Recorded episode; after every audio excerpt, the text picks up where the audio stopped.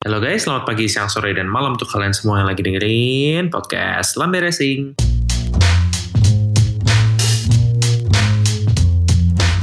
agak ribut sih paling pro kontra agak ribut kan pro kontra doang bukannya mempermudah user tapi makin mempersulit user dengan pembagian payment yang Nah. terpisah satu sama lain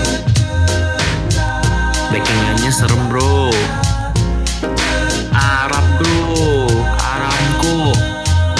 Halo guys, welcome back to podcast Lambe Racing bersama gua Ditra. Ini kah tumben nih Krida ya, nggak nge-host. Dia capek tadi soalnya baru disewa geledek, jadi gantian ceritanya. Dia mau cuti. Unlimited money bro. Back to back gitu rekamannya. Kasian juga sih kalau dipikir-pikir. Ya biar gue yang gantiin tugas lo dah. Sebenarnya gimana ya? Gak, gak sibuk banget tapi ya kebetulan di hari yang sama gua ada tugas yang deadline-nya juga mepet banget. Jadi ya mohon maaf Ya apa-apa Semangat kakak. Gak apa-apa lah memang ya. Kadang-kadang istirahat juga boleh kok sebenarnya kalau mau dipikir-pikir. Oke jadi ini episode 45 ya. Wih gile udah 45 aja nih kita.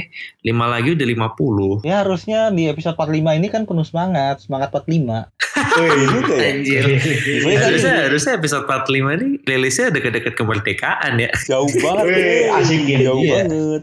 Kejauhan sayangnya. Jauh banget ini mohon maaf. Masih, Jauh banget. masih tiga bulan lebih. Empat bulan. Iya anjir. Ini kayak kita merayakan semangat kemerdekaan di awal, kayak awal-awal gitu ya, prematur banget. Oke, jadi kan kita minggu lalu kan ada balapan F1 ya. Jadi kayak kadang nih kita yang ngikutin F1 nih jadi kayak agak gabut gitu. Padahal sebenarnya kalau mau dilihat tuh kayak banyak banget loh balapan yang bisa ditonton. Oh Iya iya. nggak? Banyak, betul Kayak banyak iya, banget, banget. banyak banget. Banyak banget kan. Coba kita mulai kita hitung yuk. Yang pertama tuh ada apa aja sih? WRC, Formula E Monaco historik yang aduh itu agak chaos banget nanti kita bahas. Terus IndyCar. ada apa lagi sih? banget sih Ada NASCAR juga ya? Iya, di di Amerika dua-duanya jalan. IndyCar sama NASCAR. Buh. Tuh kan sebenarnya bagi yang redneck dua-duanya GT loh. jalan gak sih Iya. kemarin gue lupa. MotoGP nggak jalan. Super GT. Kalau GP kagak, kagak kan ya? sama sama kayak F1 dia. Oh iya ding. Lupa lupa. Oh iya, jangan lupa ada WEC juga. Ada WEC juga yang udah precision prolog. Ya dan juga banyak banget berita-berita dari kemarin ya kalau kita ikutin ya kayak banyak banget update yang agak kontroversial kalau bisa dibilang kayak memicu diskusi dan perdebatan di media sosial. Tapi udah kontroversi banget kok. Nanti lah itu kita masuk nanti agak belakang. Oke, Ya nanti nanti kita bahas lah ya. Kita sekarang mau review dulu nih bagi kalian yang mungkin apa in case you missed it gitu. Kalau misalkan kalian nggak nonton balapannya kemarin gitu mah kita rekap dulu ya balapannya. Yang kemarin kita nonton. Yang pertama ada WRC. Gimana nih WRC kemarin di Kroasia? Dengar-dengar ada yang tabrakan ya oh iya. iya, pas iya. OTW. Itu gimana tuh ceritanya? Jadi ceritanya Sebastian Ogier ini kan lagi touring stage antara SS17 dan 18. Heeh, Lagi di tengah jalan ada yang rekam kan. Wih, Ogier lewat, Ogier lewat. Iya. Tahu dari kanan ada yang nyerempet. Sebenarnya bukan nyerempet sih. Saya kan mau nyebrang, dia di di jalur agak ke tengah juga sih. Ojer kan jalurnya agak ke tengah, terus yang di jalur paling kanan tuh orangnya ternyata lebih cepat. Akhirnya kan lambat gitu apa gimana? Terus yang kanan Iya. kanan lebih cepat. Akhirnya kebetulan Ojer kan nggak ngeliat juga. Lagi pula mobil rally kan nggak ada sennya, orang nggak tahu mau belok Yoi, ke mana ya nggak kali lo sen. ngeluarin tangan kanan Iya, lambe-lambe kayak baru mau motor. gue tanya tuh. Ya udah akhirnya jedur. Baru mau gue tanya tuh mobil rally nggak ada ya? ada. Ternyata nggak ada. Nggak ada. Ya jelas sih. Nambah berat Tapi kalau misalkan dilihat posisinya memang agak awkward juga sih Ojer kayak dia tuh di tengah-tengah terus tato motong ke kiri gitu ya. Padahal kanan. ada mobil yang lebih kenceng di di eh kanan kanan sorry ya Ya kan di kanan kiri. gitu. Perasaan perasaan kalau setir kiri, lajur kiri hanya untuk yang mendahului. Kenapa jadi iya ya. Ya, ya, ya kan nih, juga. kenapa jadi di kanan? Kacau juga. Ya masalah, malah masalahnya gini, masalah gini, gimana mau mendahului kalau yang di tengah itu berhenti? Iya juga ya. Hmm. Iya sih. Hmm, Make Iya. sense, make Make sense, sense, make sense. sense. Terus ujungnya gimana tuh dia bisa balapan kan ujungnya Masih. Bisa, bisa. akhirnya. Uh, gercep juga nih mekaniknya. Tempat kena polek juga. So, tapi ini hebatnya dia profesional, SS19 tetap jalan, SS20 penentu. dia akhirnya di overall standings tuh bisa menang tipis 0,6 detik dari? Evans.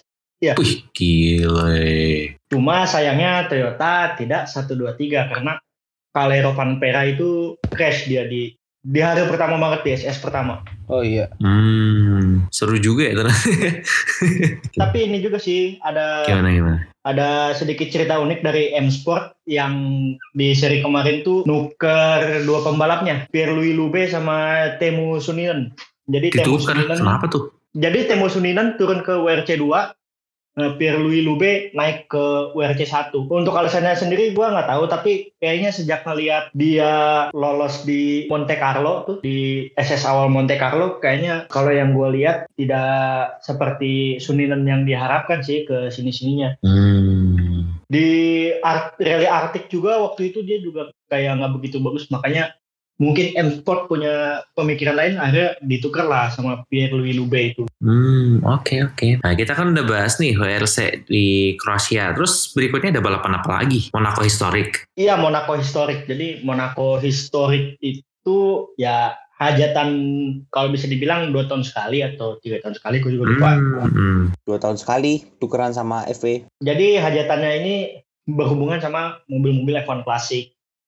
Jadi dari pra-perang dunia sampai zaman ground effect, zaman 80-an. Hmm, oh jadi balapannya berdasarkan era gitu ya? By era, by era. Oh, Yang kebetulan gua tonton tuh yang di dua kelas terakhir. Jadi kelas mid 70s sama late 70s yang mobil ground effect. hmm, di kelas mid 70s ini seru nih. Jadi Lotus sama Ferrari kan ngadu Marco Marco Warner sama John Alesi. uh, terus?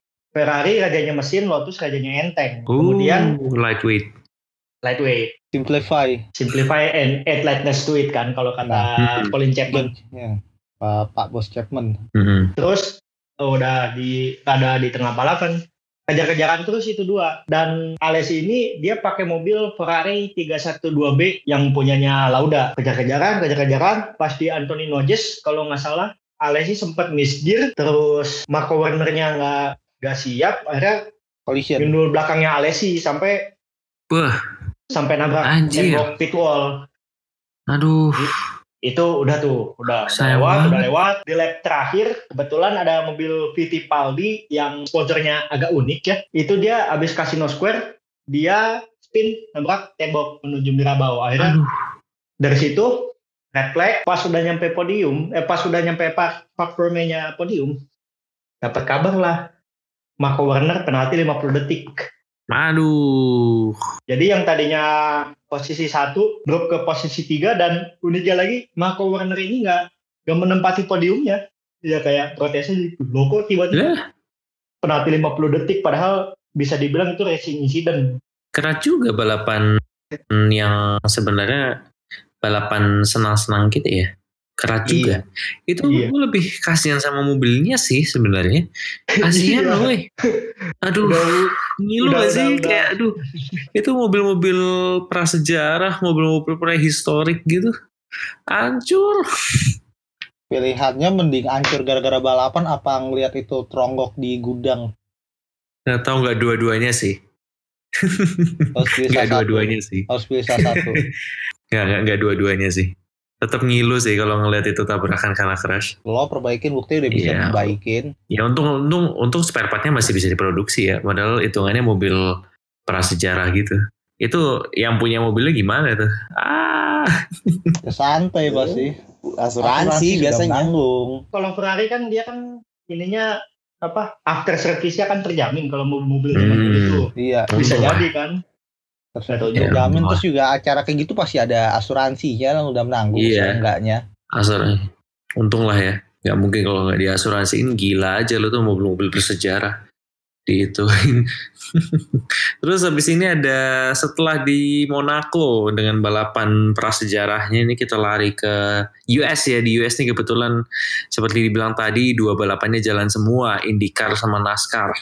Nah Indy ini gimana? Indy sendiri eh, menurut gua lumayan rame sih. Kalau Andretti, Andretti mendominasi banget. Soalnya Andretti mendominasi karena Colton Herta dari group practice kualif- kualifikasi warm up sampai balapan juga terus di depan gitu nggak ada nggak ada bukannya nggak ada perlawanan berarti tapi emang dianya dominasinya bagus Hmm. sayangnya para rookie ini tidak para rookie sebenarnya lumayan cuman ada satu yang di highlight seperti di balapan Barber kemarin eh, Hmm. juara juara NASCAR tujuh kali kita tercinta Bapak Jimmy Johnson kemarin kemarin dua kali melakukan kesalahan yang cukup ngaduh gitu kan Aduh. yang pertama dia eh, bablas di tikungan terakhir dan yang kedua dia sempat spin di salah satu tikungan yang menyebabkan terjadinya caution. Hmm. Tapi untuk overall balap IndyCar lumayan sih, tipis, tipis-tipis, ya tipis-tipis ala-ala jalan Biasa. kaya lah kalau di IndyCar kan soalnya kan Petersburg tuh selalu seru sih kalau gue lihat dari tahun-tahun lalu. Verteknya rame. Walaupun ya ya tipikalnya jalanan sempit gitu. Hmm, I see, I see. Berarti lumayan lah ya, balapannya tidak mengecewakan lah ya. Memuaskan, memuaskan. Terus kalau dari NASCAR, nah ini dia yang ditunggu-tunggu nih. gimana nih? balapan super speedway kedua setelah Daytona 500, Geico 500 di Talladega. Uh, stage per stage-nya seperti tipikal balapan super speedway pasti ada yang ada bagian remenya lah, terutama di akhir-akhir stage. Di akhir stage pertama aja kemarin Joey Logano yang di backstretch itu sempat nyari celah tapi tidak sadar ada Denny Hamlin yang udah nempel di belakang bodi kirinya sehingga menyebabkan dia spin dan sempat terbang. Puh, anjir. Sempat terbang, sempat ini apa sempat kontak sama otaknya Baba Wallace tapi syukurnya dia selamat dan itu membawa caution di akhir stage 1. Di stage 1 ini juga ada pemenang stage baru eh, Matt Di Benedetto dari Wood Brothers Racing. Ini kemenangan stage pertamanya dia di musim ini Wow, Apa- oke.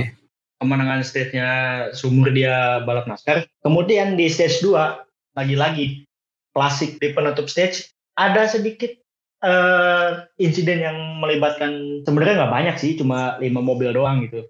Tiga mobil Hendrick sama Gede nggak? Gede nggak? tiga mobil Hendrick sama dua mobil Joe Gibbs nggak begitu ini sih nggak begitu Nggak begitu ya nggak nggak bisa nggak bisa dibilang big one juga karena kalau big one kan biasa kan ngelibatinnya Ya, 10 mobil 15 Iya, mobil iya. gitu. Lebih dari lima lah hitungannya. lebih dari lima. Ini yang yang gua seru nih di stage 2 ini kan tempel-tempelan terus, lead changes juga banyak. Dan akhirnya 2011 Racing berhasil mengunci kemenangan stage pertamanya. Baba Wallace berhasil memenangkan stage 2 dengan sedikit kondisi yang ada di belakangnya seperti itu. Di stage 3 juga nggak kalah seru sih.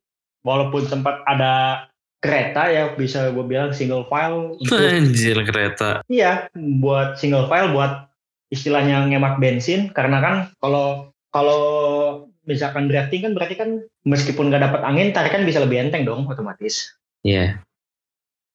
Terus terus terus strategi pit on green juga berjalan dengan lancar sesuai pabrikan masing-masing. Kemudian di empat lap penutup sebelum sebelum white flag, Martin Truex Jr. bannya pecah Ups. ada Ouch. ada serpihan yang masuk ke track membawa caution dan akhirnya Nas me- NASCAR memutuskan untuk adanya overtime jadi semacam Hmm. lap tambahan gitulah overtime jalan Extra time.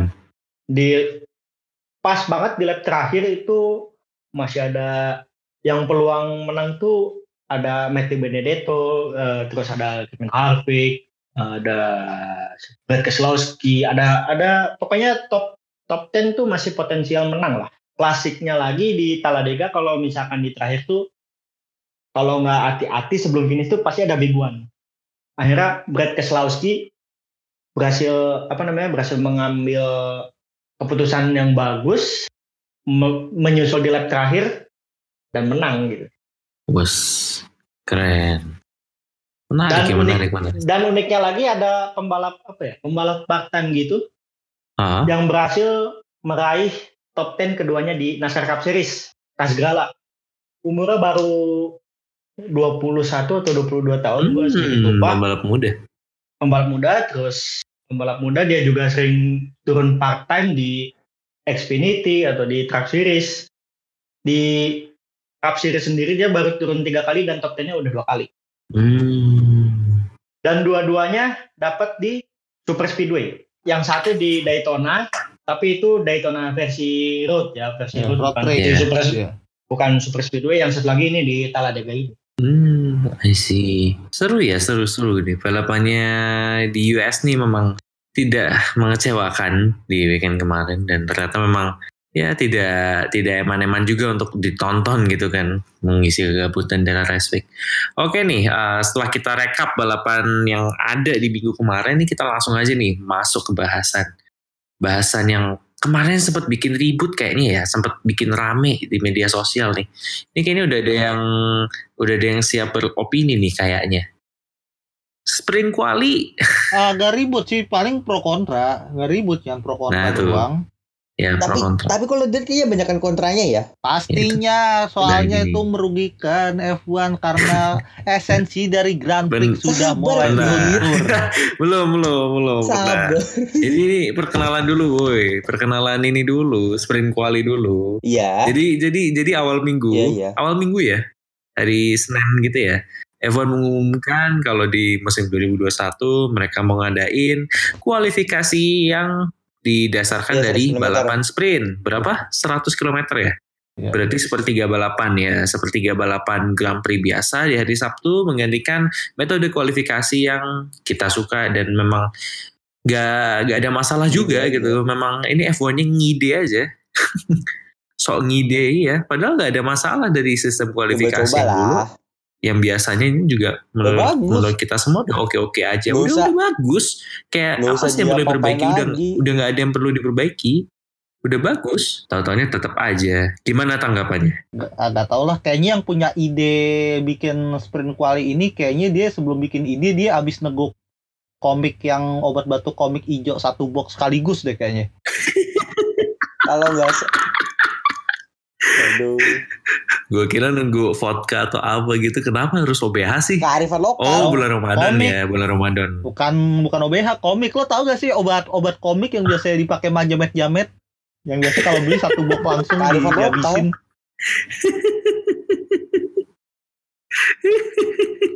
Gak dioplos langsung, langsung dioplos. diminum gitu. Gak dioplos langsung jadi Langsung kayak, kayak, kayak beli di apotek satu box. Kagak biasanya kalau satu tongkrongan dua tiga ini. box. Iya. Emang emang sengaja dibikin overdosis. Iya. Anjir, Anjrit, bikin overdosis. anjrit. Makanya kan ditarik dari peredaran no sempet obat batuk yang komik. no. Udah- udah lama Malah jadi itu. obatnya jamet. Goblok. Biar Udah, nggak gitu gimana caranya. ya? Gimana ya? Tapi menurut gue emang ini ngide banget sih. Kalau nggak kayak salah itu kerjaan katanya gara-gara pandemi, jadi mereka mencoba buat nambah-nambahin balapan gitu bukan sih? Iya. Mereka mereka mikirnya gini, mereka mikirnya karena ada balapan maka income yang masuk bertambah. Iya bener. Tapi di sisi lain pengeluarannya juga bertambah kan sama Aji bohong.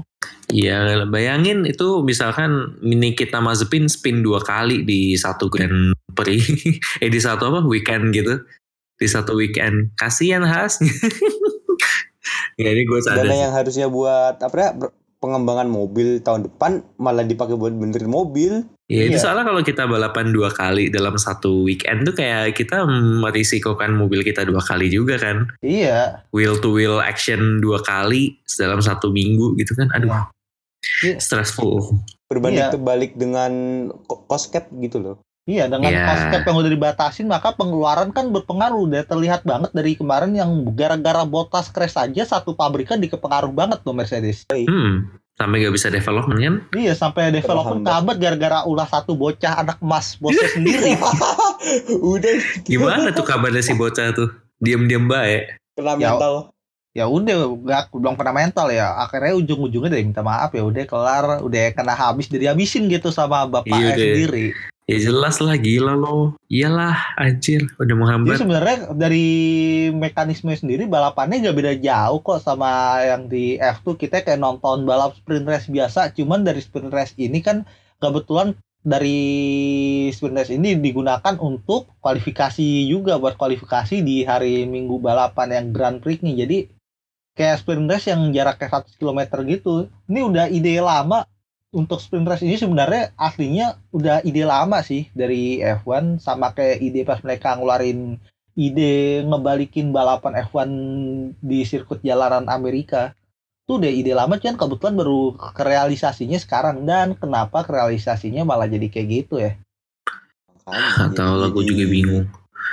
Gimana ya ini kayak malah jadi kayak F2 gak sih sebenarnya Iya, kalau gue lihat memang, F1 kayak downgrade gitu Nah kayak itu. Kayak pinnacle apa anjir Grand Prix-nya kurang. Esensi buat keeksklusifan balap yang di hari Minggu kata Grand Prix ini jadi berkurang. iya iya jadi kayak yang kita tunggu-tunggu lah malah jadi berkurang gitu klimaksnya kan kayak kita nih nunggu nih kita nunggu nih nunggu balapan gitu gara-gara ada ini gara-gara ada sprint qual ini jadi kayak kebelah dua gitu hype-nya dua gak sih hype-nya. Iya Bener, kan? bener, bener, bener. Dan yang gua gak setuju juga tuh sebenarnya kenapa yang jual yang podium di sprint quali dapat poin Nah itu dia. Nah itu dia. kenapa sih Itu Buat dia. apa? Ya justru sebenarnya gimana ya? Kalau tiga tiga, kalau misalkan yang podium nggak dapat poin ya dari pesertanya sendiri pasti nggak akan mau ikut ituan lah walaupun udah dikasih pergantian soalnya kan pasti pengeluaran kan dia nambah dari Iya. operasional segala macam tapi kan dari Bener. F1-nya sendiri udah ditambah ditambah gitu diganti. Kalau pengeluarannya gara-gara sprint race oke. Tapi udah Nah. pengeluarannya Nah. ditambah terus juga yang dapat podium dapat poin. Biar akhirnya tim-tim juga akhirnya ikut lah tertarik lah gak cuman ikut demi formalitas. Tapi ya, iya sih. Ya gimana ya? Cuman ya jadi gimana aneh jadi aneh. Ini bakal lucu nih ini bakal lucu nih kalau misalkan nih di akhir musim penentuan driver championship misalkan Hamilton menang satu poin gara-gara Max Verstappen kalah jumlah poinnya pas lagi sprint Iya. quali. Nah itu dia. Iya kan, dan ini gue juga mikirnya kayak apa ya, kayak dia tuh ngasih unfair advantage gitu loh buat buat tim-tim top tier sekarang. Iya, iya. Maksudnya kan tidak semua tim bisa dapat podium kan, Ah. kayak akhirnya ini malah lebih menguntungkan ke Mercedes sama Red Bull doang. Yoi klasemen Iya. jadi acak-acakan lagi dah.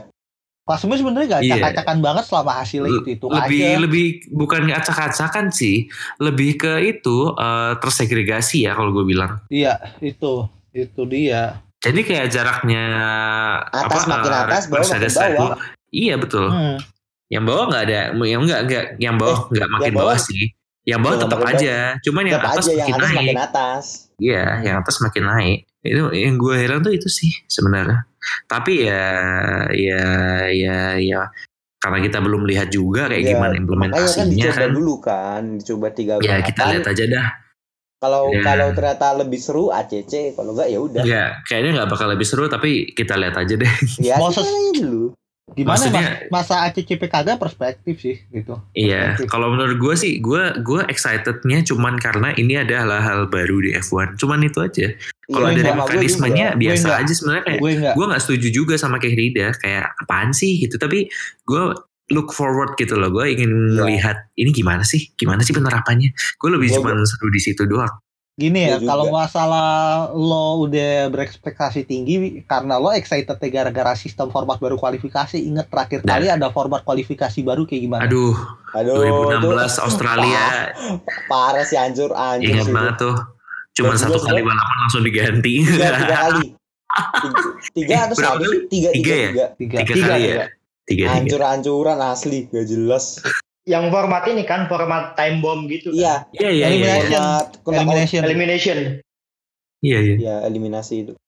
Dari kalau menurut gua itu format 2016 awal itu jauh dibandingkan format one shot yang sebelumnya dipakai. Tapi kalau format one shot gue malah setuju soalnya justru itu kayak kayak Super Bowl jatuhnya malah tuh lebih lebih masuk akal dijadikan kualifikasi buat race dibandingin sama sprint race quali gitu. Kayak kayak Formula Iya. E gitu loh. Iya. One shot tuh one shot tuh kayak bener-bener hmm, itu ngasih pressure yang sangat tinggi pembalap Iya. which is Oh, good Iya. which Yoi. is good gitu bagus gitu kayak lo cuman ada satu kesempatan gitu udah. Bakal bakal melatih Bisa mental dan chaotic. melatih mental dan apa uh, skillnya itu beneran harus dikeluarin. dan Sebenarnya hasilnya kayak bisa chaotic Masa skill sih ya sama aja tapi ini lebih ke mental Eh, terutama composure. dikeluarin. Composure Iya, dia. Iya, composure betul. bukan betul masalah sekali. skill tapi composure dari drivernya dan juga gimana caranya dia konsentrasinya dan juga composure lalu memanfaatkan momentum yang ada kayak gimana One shot Betul, juga betul. ini kok apa namanya? nggak buruk-buruk amat malah menciptakan balapan balapan klasik kayak di Iya betul, 2005. betul, betul. Hmm.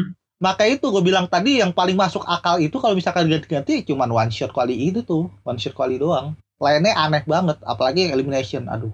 Aduh, elimination tuh itu Gaji udah banget. fix produk gagal itu. Ya iya makanya cuma gagal. tiga, makanya cuma bertahan tiga balapan. Makanya mending gini aja deh.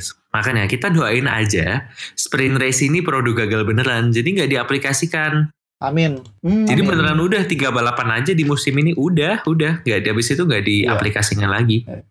Jujur gue gue gue dan give a shit lah kalau misalkan nanti yang bisa dibilang sprint quali ini misalkan seseru apa pun sampai overtake-nya satu lap bisa 200 mobil salip-salipan sampai IMDB ngasih ratingnya 11 per 10 I don't give a shit gue tetap gak demen. Sebelas per sepuluh. Eh, Eh. speaking eh speaking of IMDb and ratings, Bahrain GP masuk ke nominasi BAFTA loh. Gila nggak? Seriusan. Iya, nominasi BAFTA eh, apa namanya? Best Sporting apa gitu. Gila kan? Waduh. Bahrain GP bukan Drive to Survive, Drive to Survive-nya mah jelek banget sampai nggak masuk gituan. Balapannya.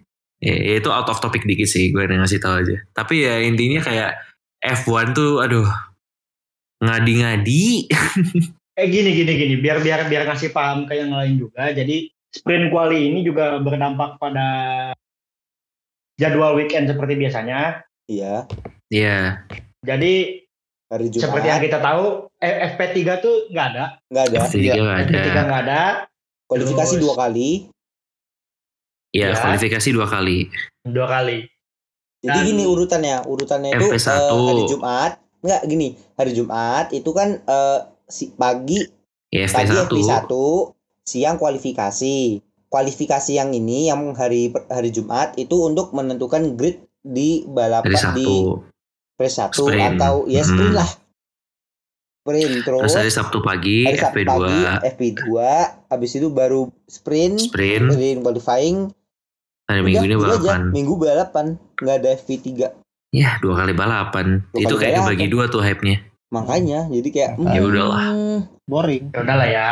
Udah ya, kita kita lihat aja lah dulu. Ini, Semoga- ini semoga Ya, gagal. Yang, yang terbaik, gue gue berharap yang terbaik aja lah udah. Enggak sih. Gue berdoa gagal sih. Kalau lo berharap yang terbaik berarti lo diaplikasikan. berharap sukses dong secara gak langsung. Enggak, Aduh, enggak, enggak, kita terbaik. berharap berbaik mungkin bagi kita ini semua. mungkin maksudnya ya maksudnya Fadli itu yang terbaik tuh mungkin yang terbaik bagi race ternyata gagal gitu kan. Hmm, ya, ya udah gagal. Berarti berarti Ya. bukan artinya berdoa yang terbaik, berarti berdoa Iya. jelek. ya juga ya. Oh, berarti yang Iya. terbaik berarti mengharapkan hasil yang terbaik dong. Ayo. Iya juga ya. Iya. Ya itulah pokoknya speaking of ngadi-ngadinya F1 ini juga kemarin ada berita ngadi-ngadi juga nih. Tersiar kabar kalau Fox Sport mau dimatiin di Southeast Asia ya kayaknya. Apa di Asia sama Ngadi-ngadi. keseluruhan? Ya di region Asia Hong Kong, Asia Asia ASEAN, Hong Kong ya kan? ASEAN, ASEAN Hong Kong. Gara-gara Disney, terus kita nonton F1 di mana? belum ada berita sih, belum ada berita, kelanjutan gimana. Tahu. Ya mungkin barangkali bisa di Disney Plus atau mungkin tiba-tiba Dazen out of nowhere karena Dazen ini kan Allah doesn't. Dazen masanya gimana mereka ekspansinya cukup kenceng banget bahkan Kencang sih kabar- Dazen. kabarnya seri A pun dicaplok dari Oh, Sky serius Italia. Ya. Iya, seri A Oh. mau dicaplok. Seri A udah dicaplok, Formula E juga di beberapa region udah kena. F1 Formula E udah bisa ditonton Udah, di udah. Dazen juga kalau nggak salah. Iya, Cuman masalahnya Dazen itu gini, kalau sekarang tuh masih prematur banget kayak kemarin gue cari-cari info kan, gue cari-cari info gimana sih? Itu tuh ya kayak kita nggak bisa daftar pakai GoPay OVO, kita harus pakai credit card gitu, terus kayak Masih promosinya Sebenarnya masih dikit ya? banget. sebenarnya kalau Dazen ini belum oriented ke Indonesia, mereka masih Iya. orientednya ke Iya. luar banget pasar-pasar mereka Iya. di US belum sama belum UK. belum lokalisasi gampangnya. Nah, gue takutnya pas misalkan nih, misalkan Dazen beneran ngambil uh, form sama Dorna gitu kan. Jadi semua MotoGP sama F1 balik ke Dazen. Tapi Dazen belum bisa masuk penetrate ke Indo gitu loh. Itu kan malah meri, meri, malah meri- ribet kan jadinya. Iya, Jadi iya. ribet banget. Jadi Iya ribet, ribet, Ribet ke banget. kita sebagai penonton. ujung-ujungnya nyari bajakan. Hmm. Nah, tapi emang itu bajakan emang opsi terbaik no debat sorry. Aduh. Ya gitu sih. delay. Gua gua nggak bisa delay Pak. Mohon maaf ya. Ya delaynya bikin kesel Delay sih satu menit. ya. Eh, delaynya tergantung link, Satu menit sih biasanya. tergantung Kayak- link sih kalau delay. Emang lu paling cepat berapa bacakan? Dua menit. Gue Gile. Gue paling cepet gue ngelangkahin streamingan lo pas lagi lo semua nonton di video.com. Kok bisa sih? Kemarin gue ngelangkahin sampai 20 detik, mohon maaf. Nonton di mana dah?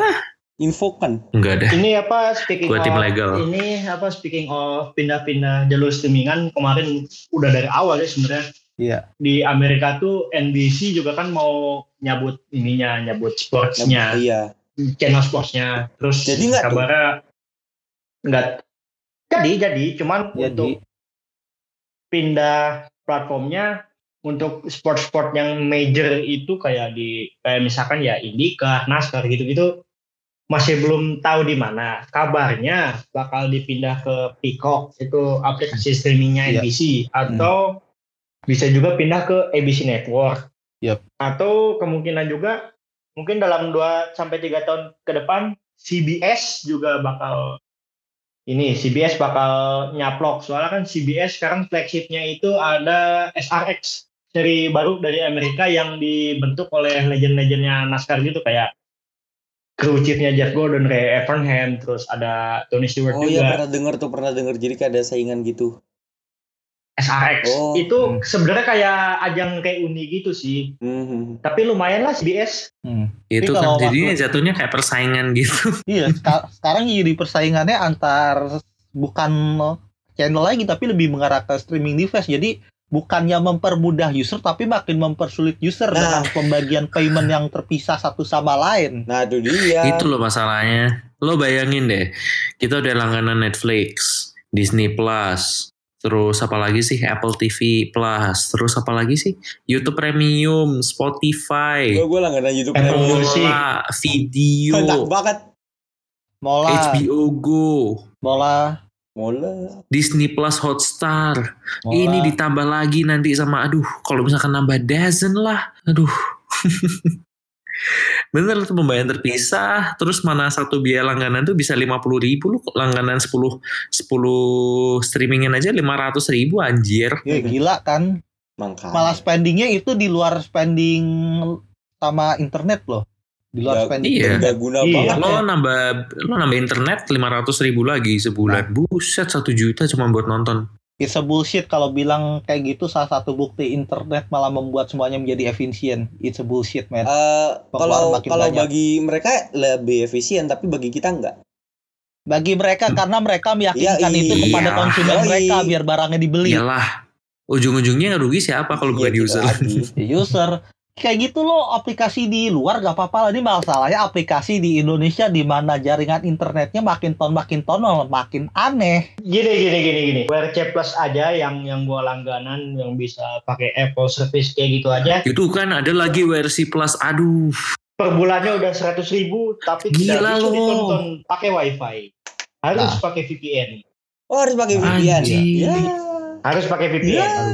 Pusing Ya, itu saya itu kayak pusing. F1 TV F1 TV Pro kan. F1 TV Pro juga begitu F1 TV. karena saya langganan F1 TV Pro tapi tidak tahan dua bulan Mana kalau pakai VPN kalau eh, VPN kalau ketahuan bisa permanen ban kan? Katanya gitu. Kalau misalkan pakai VPN, kalau misalkan ketahuan pakai VPN tuh kayak bisa nanti bisa permanen ban gitu. Jadi akunnya di ban gitu. Aduh. Ya, bagaimana saya loh. bisa update WRC kalau misalkan WRC Plus aja Hah? akunnya di ban Iya kan, serem juga. Makanya kayak gimana ya? Jujur, jujur gue lebih berharap kalau misalkan F1 ini pindah entah ke mana, mulai bulan Oktober besok gitu, nggak di Fox Sport lagi, gue berharapnya tuh ke streamingin yang udah ada. Jadi kita nggak nambah, gak nambah langganan. Gue berharapnya mola sih. Gue berharap mola sih karena ya bapak udah langganan jadi lebih mudah juga. Mola tuh kayak, kayak oke orang-orang langganan Premier League, nonton Premier League udah di mola gitu ya. At Hmm. least ya udahlah sekalian aja tambah MotoGP sama F1 Iya, ya. sekali olahraga Iya. gitu loh, kan sama-sama olahraga. Iya. iya sama-sama Hmm, olahraga kalau misalkan sekalian. mereka pun sebenarnya si Mola ini udah nyari expanding ke semua bola juga bola pun nyaris dikuasain mereka loh liatinnya kan. liga-liga yang kualitasnya emang bagus buat ditonton kayak IPL bahkan sampai Eredivisie Bundesliga juga udah disikat terus juga liga-liga di Amerika Selatan udah disikat Libertadores disikat Euro pun nanti Euro 2020 walaupun diadainnya 2021 disikat juga sama mereka. Jadi kalau misalkan mereka nyikat F1 sama MotoGP mungkin spendingnya gede atau mungkin biayanya mungkin untuk berlangganan per tahunnya ya bisa aja naik tapi kalau misalkan mereka sikat big deals banget untuk mereka. Yoi. Terlebih terlebih kalau di motorsport sendiri kan Mola kan udah pernah megang Formula E pernah. Iya. WRC WRC WRC juga, juga. masih jalan. Oh pernah. Terus D WRC Jalan. WRC masih jalan. Oh, masih jalan. tahu, Cuman. WRC masih jalan, cuma bedanya sama WRC Plus, kalau di Mola itu dia cuma nampilin stage-stage yang emang di bisa di televise gitu, tapi sisanya tetap di WRC Plus. Hmm, Iya. Pernah Yang- juga di pernah juga di TM mereka megang Hmm. Formula E kan tadi udah sempat gue singgung. Boleh Hmm. juga. Tuh. Terus juga Mola ini kan kalau yang ajang-ajang besarnya mungkin yang ajang Amerika, NFL juga megang, terus juga WWE juga megang walaupun per pay-view-nya kan. mereka gak megang, Raw sama SmackDown sekaligus dua-duanya dipegang. Ya maksudnya biar sekalian gitu loh. Ah. Kayak udah sekaliannya all in Aja, gitu. ah, Iya. paket komplit. Gak ribet anjir.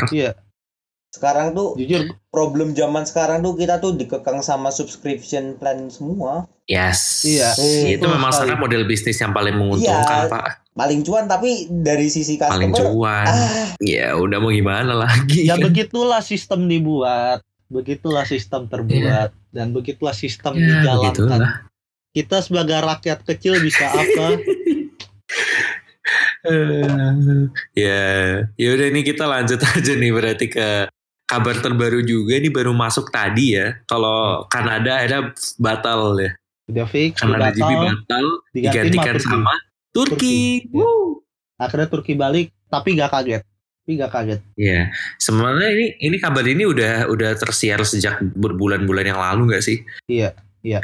Ya, Kayak Jadi gak udah banyak banget rumornya. Iya, kayak katanya Kanada akan batal, Kanada pasti akan batal. Cuman kayak semua orang tuh kayak mendinai gitu. Semua orang kayak ah enggak kok ini kita masih in talks gitu. Kita ingin mengusahakan supaya Kanada ini jalan gitu. Ah, tetap aja. Denial gini, denial dulu menyes, menyesal Iya. kemudian.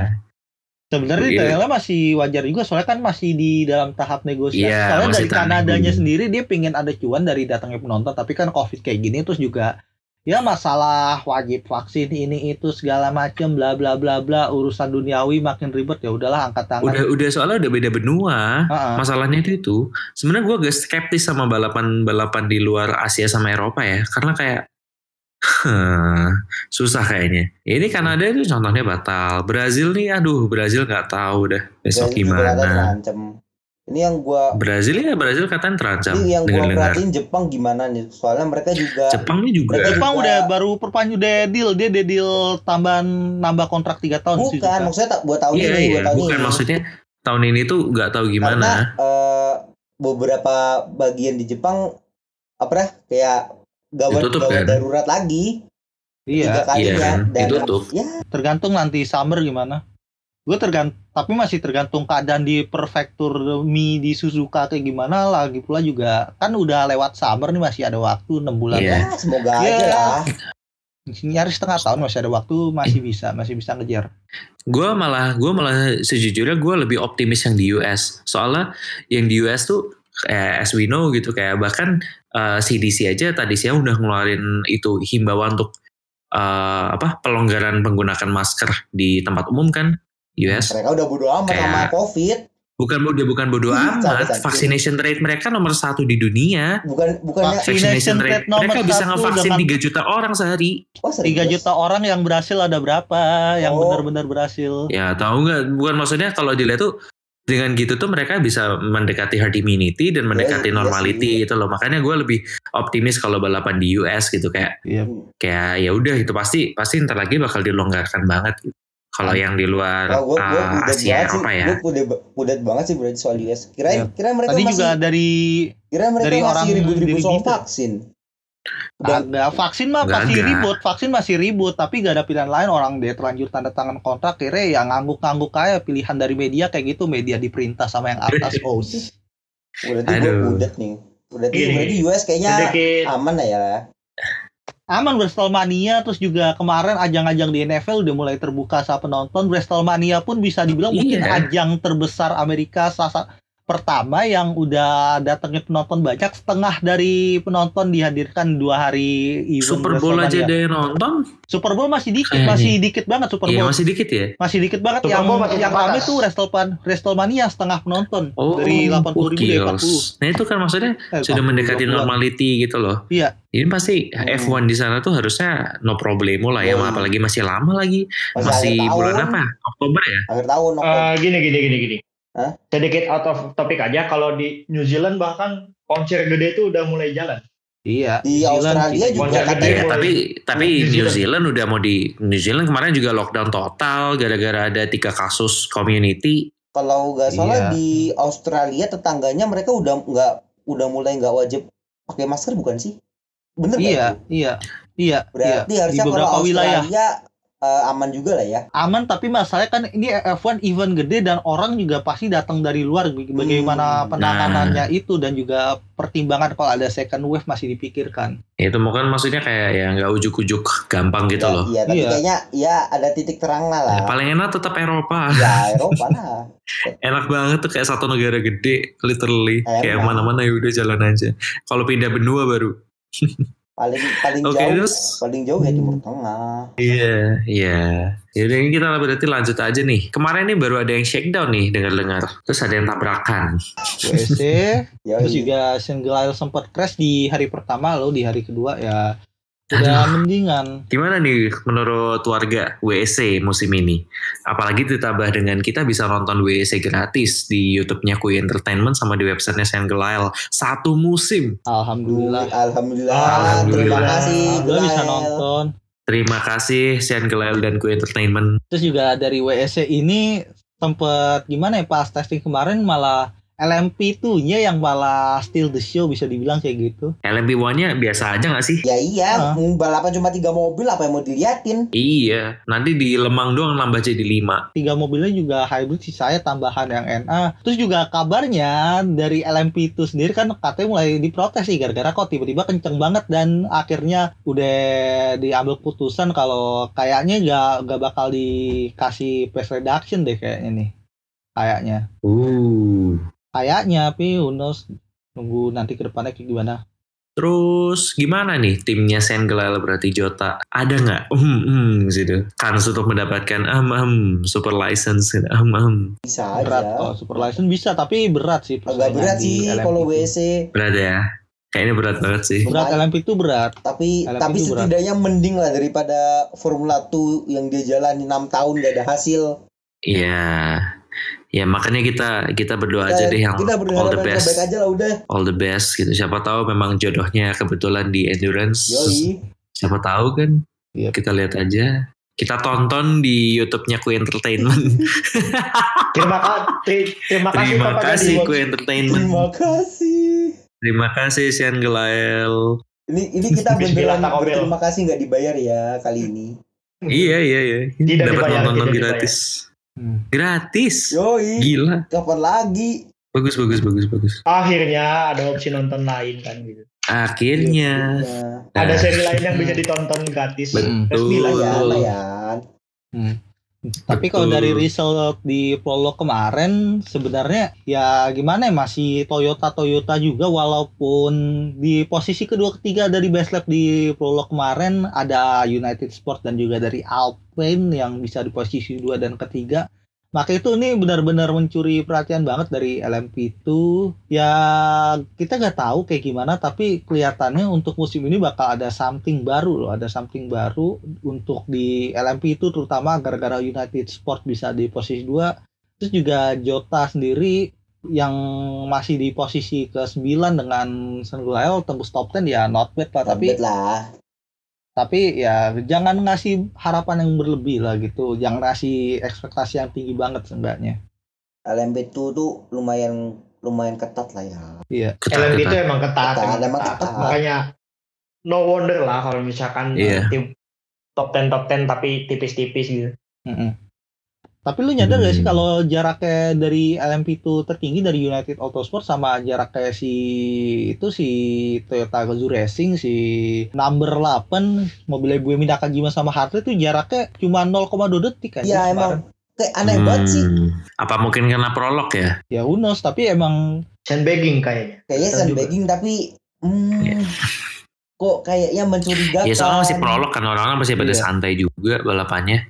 Iya. Maksudnya ya cuman di biasa kan testing tapi, kan tapi paling tapi shakedown. setelahnya apa bedanya mungkin nggak terlalu jauh ini yang gue penasaran sih tahu Hmm, bedanya ini. paling cuma 5 detik 6 detik lah sama aja bohong Ya makanya kita lihat aja besok weekend kan uh, Six Hours Spa. Nah terus kita langsung ke balap bahasan terakhir kali ya, yang baru juga baru masuk tadi siang. Timnya Rossi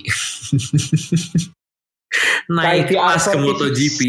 Gak naik kelas. akhirnya sebenarnya gak naik kelas. Oh. gak naik kelas sih Gak naik kelas gimana? Ini, ini, ini jadi kayak rebrand. Jadi Avintia kan kabarnya udah kelar nih. Soalnya kan dia kelihatan banget kalau Avintia ya udahlah kayak gitu. Terus juga Valentino Rossi kan dari Dorna kelihatannya ada sedikit deal di belakang meja masalah nurunin tim dan Uh. akhirnya inilah waktu yang tepat dan juga Valentino Rossi dibantu dengan mitranya yaitu dari Backingannya serem bro. Pangeran Arab langsung Arab Aramco. bro, Aramco, unlimited money bro. Jadi ini bisa dibilang salah satu bagian dari Saudi Vision gitu untuk misi jangka panjang mereka lah dan akhirnya kan di F1 juga udah kesampaian mereka nge-sponsorin sponsor-sponsor balap di F1. Lalu di MotoGP iya Ya enggak nah, itu ya. terus juga di MotoGP ini Gak bergantung ke juga minyak. akhirnya mereka kesampaiannya langsung ke timnya Valentino Rossi. Menarik sih soalnya kan Valentino Rossi ini masih menjual lah di MotoGP dan kalau emang timnya Icon. bagus gitu ya menjual banget sama Fair 46 dengan Aramco dan kita gak tahu nih musim depan mau pakai mesin apa mereka. Kita gak tahu. Um, Hmm. kali-kali kan sebenarnya. Yamaha gitu. Halo Yamaha, punten. Tapi kagak gak mungkin ya gue gak, gak, gak itu sama Waduh. Yamaha soalnya Yamaha lo lihat deh kapan terakhir kali Yamaha bagus dan beberapa musim terakhir ini Yamaha me- mesin motornya sama motornya semuanya kayak gimana overall. Terus bau-baunya apa nih VR pakainya? VR ada 46. yang bilang katanya kemarin du pakai Soalnya Ducati kan tuh. dari Ducati kan pakai Avi di Avintia aja pakai Ducati mungkin bakal lanjut pakai Ducati mengingat ya masih panjang sih masih panjang terus perjanjian 4 tahun komitmen sampai 2026 nih masih panjang kelihatannya bakal pakai Ducati sih Tapi kayaknya ngelihat Ducati ininya satelitnya lumayan banyak gak sih? Udah Pramac, Avintia, ntar tahun depan jadi VR mungkin. ya kan Avintia kelihatannya bakal Hmm. jadi VR kelihatannya Iya, iya. ini menarik banget lagi pula juga dari Gracie ini kan kelihatannya kan dia mau cabut terus Aprilia juga kayak bingung nih mau kayak gimana ke depannya ya bisa jadi ke Aprilia atau mungkin ke Suzuki gitu lagi bold move out of nowhere tiba-tiba VR46 mau jadi tim satelitnya Suzuki ya who knows gitu gak ada yang tahu nih ke depannya tapi untuk rumor paling dekat yang paling kenceng tetap sama Ducati nanti Hmm. Menarik, menarik, menarik. Kita lihat aja nih uh, VR46 dengan motornya Ducati dan backingan yang serem. Drama minyak gede Ini bos bakal kayak gimana? Ini sih apa paling Terus ada bahasan lagi nggak? preview ringan nih sama jadwal balapan minggu ini. Jadwal hmm ya di Portimao, terus MotoGP-nya di Jerez. NASCAR akan NASCAR akan menyambangi Kansas Kansas Speedway. Kemudian IndyCar akan balap di track oval di Texas. Spa juga kan tadi udah sempat disinggung Spa 6 Hour untuk pembukanya WEC. Ya, kalau dari gua sih gitu-gitu aja paling. F1 nya paling ya antara Hamilton dan Verstappen kita lihat. Battle semoga makin seru. Terus dari MotoGP, ya nggak tahu deh. MotoGP agak random. Nggak tahu kalau MotoGP gimana. nggak tahu masa di Heres Kan udah kan udah three in a row nih ceritanya nih. Ya udah bisa four in a Nggak row tahu maksudnya di musim-musim sebelumnya penyakit Yamaha malah ada di Heres. Maksudnya kan Heres juga terkenal sama panasnya dan juga tire wear dan Yamaha kelemahan ada di masalah ban. Yang pasti Rossi kelihatannya bakal bermasalah lagi kalau race-nya panas di Heres. expect the unexpected aja udah MotoGP mah. Kalau Six Saurus pa, Hmm, hmm, LMP1 Toyota. Toyota ya. Ya, Toyota lah Jelas, sudah udah itu udah. Udah gak usah diprediksi Ya, LMP2-nya agak ketat nih antara y- iyalah ketat lah ya. ketat, United ketat. Autosport paling LMP kalau dari di Nah, Iya, feeling gue juga United Autosport sih. Oh iya, nih Jota mau finish ke berapa nih di LMP2 nanti? Top top 10 bisa nggak nih? Gua kayaknya bisa sih kalau top 10. Oh iya, LMP itu LMP itu isinya siapa aja? United, G-Drive masuk gak G-Drive? G-Drive yang orange tuh yang timnya Fern. Masuk ya? Masuk, masuk, United. masuk. Timnya Masuk The masuk Freeze di drive masuk. G-Drive terus Dragon Speed masih ada, Richard Mille Racing Team yang isi cewek. Alpine Alpine Endurance masih? Alpine ini kan itu ke LMP1 Alpine. Terus yang WRT Oh, ya, tim WRT juga itu ya Robin Fans ya. Terus juga ada tim yang itu timnya si Ian Magnussen, Hype Class Racing. Kab- Oh iya kabarnya nanti pas Le Mans 24 Hour Ian Magnussen timnya kemasukan anak kayak Kevin Magnussen.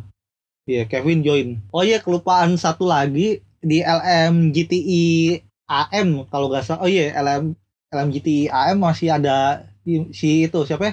Andrew Haryanto. Oh iya bener ada si Andrew Haryanto. Oh, ntar gue baru nyadar The Station Racing balik ke anu toh, balik ke WC toh. Yang Jepang maksudnya sempat turun di Super GT or something kan? Apa ALMS? Oh, Yang pakai yang pakai Aston Martin tuh loh kalau nggak salah ingat gue. Berarti with that kita conclude aja kali episode kali ini ya. Karena kayaknya bahasannya udah cukup lengkap dan cukup komprehensif banget untuk bahasan yang sekadar update. Ternyata banyak berita ya. Kalau kita ngikutin beritanya ini nggak habis-habis emang. Dari Ya, semua bidang banget. tuh. Motorsport tuh luas cuy. Iya, nggak habis-habis. Aduh bulan puasa jangan ada kasar-kasaran apalagi berhubungan dengan hubungan intim. Setan-setan masih di penjara, janganlah kita menjadi setannya. Sekian dan terima kasih pakai template kita buka Ctrl C Ctrl V. Udah gitu aja copy paste selesai. Gue Frida cabut bye. Apaan setan di penjara? Buktinya lo nggak di penjara.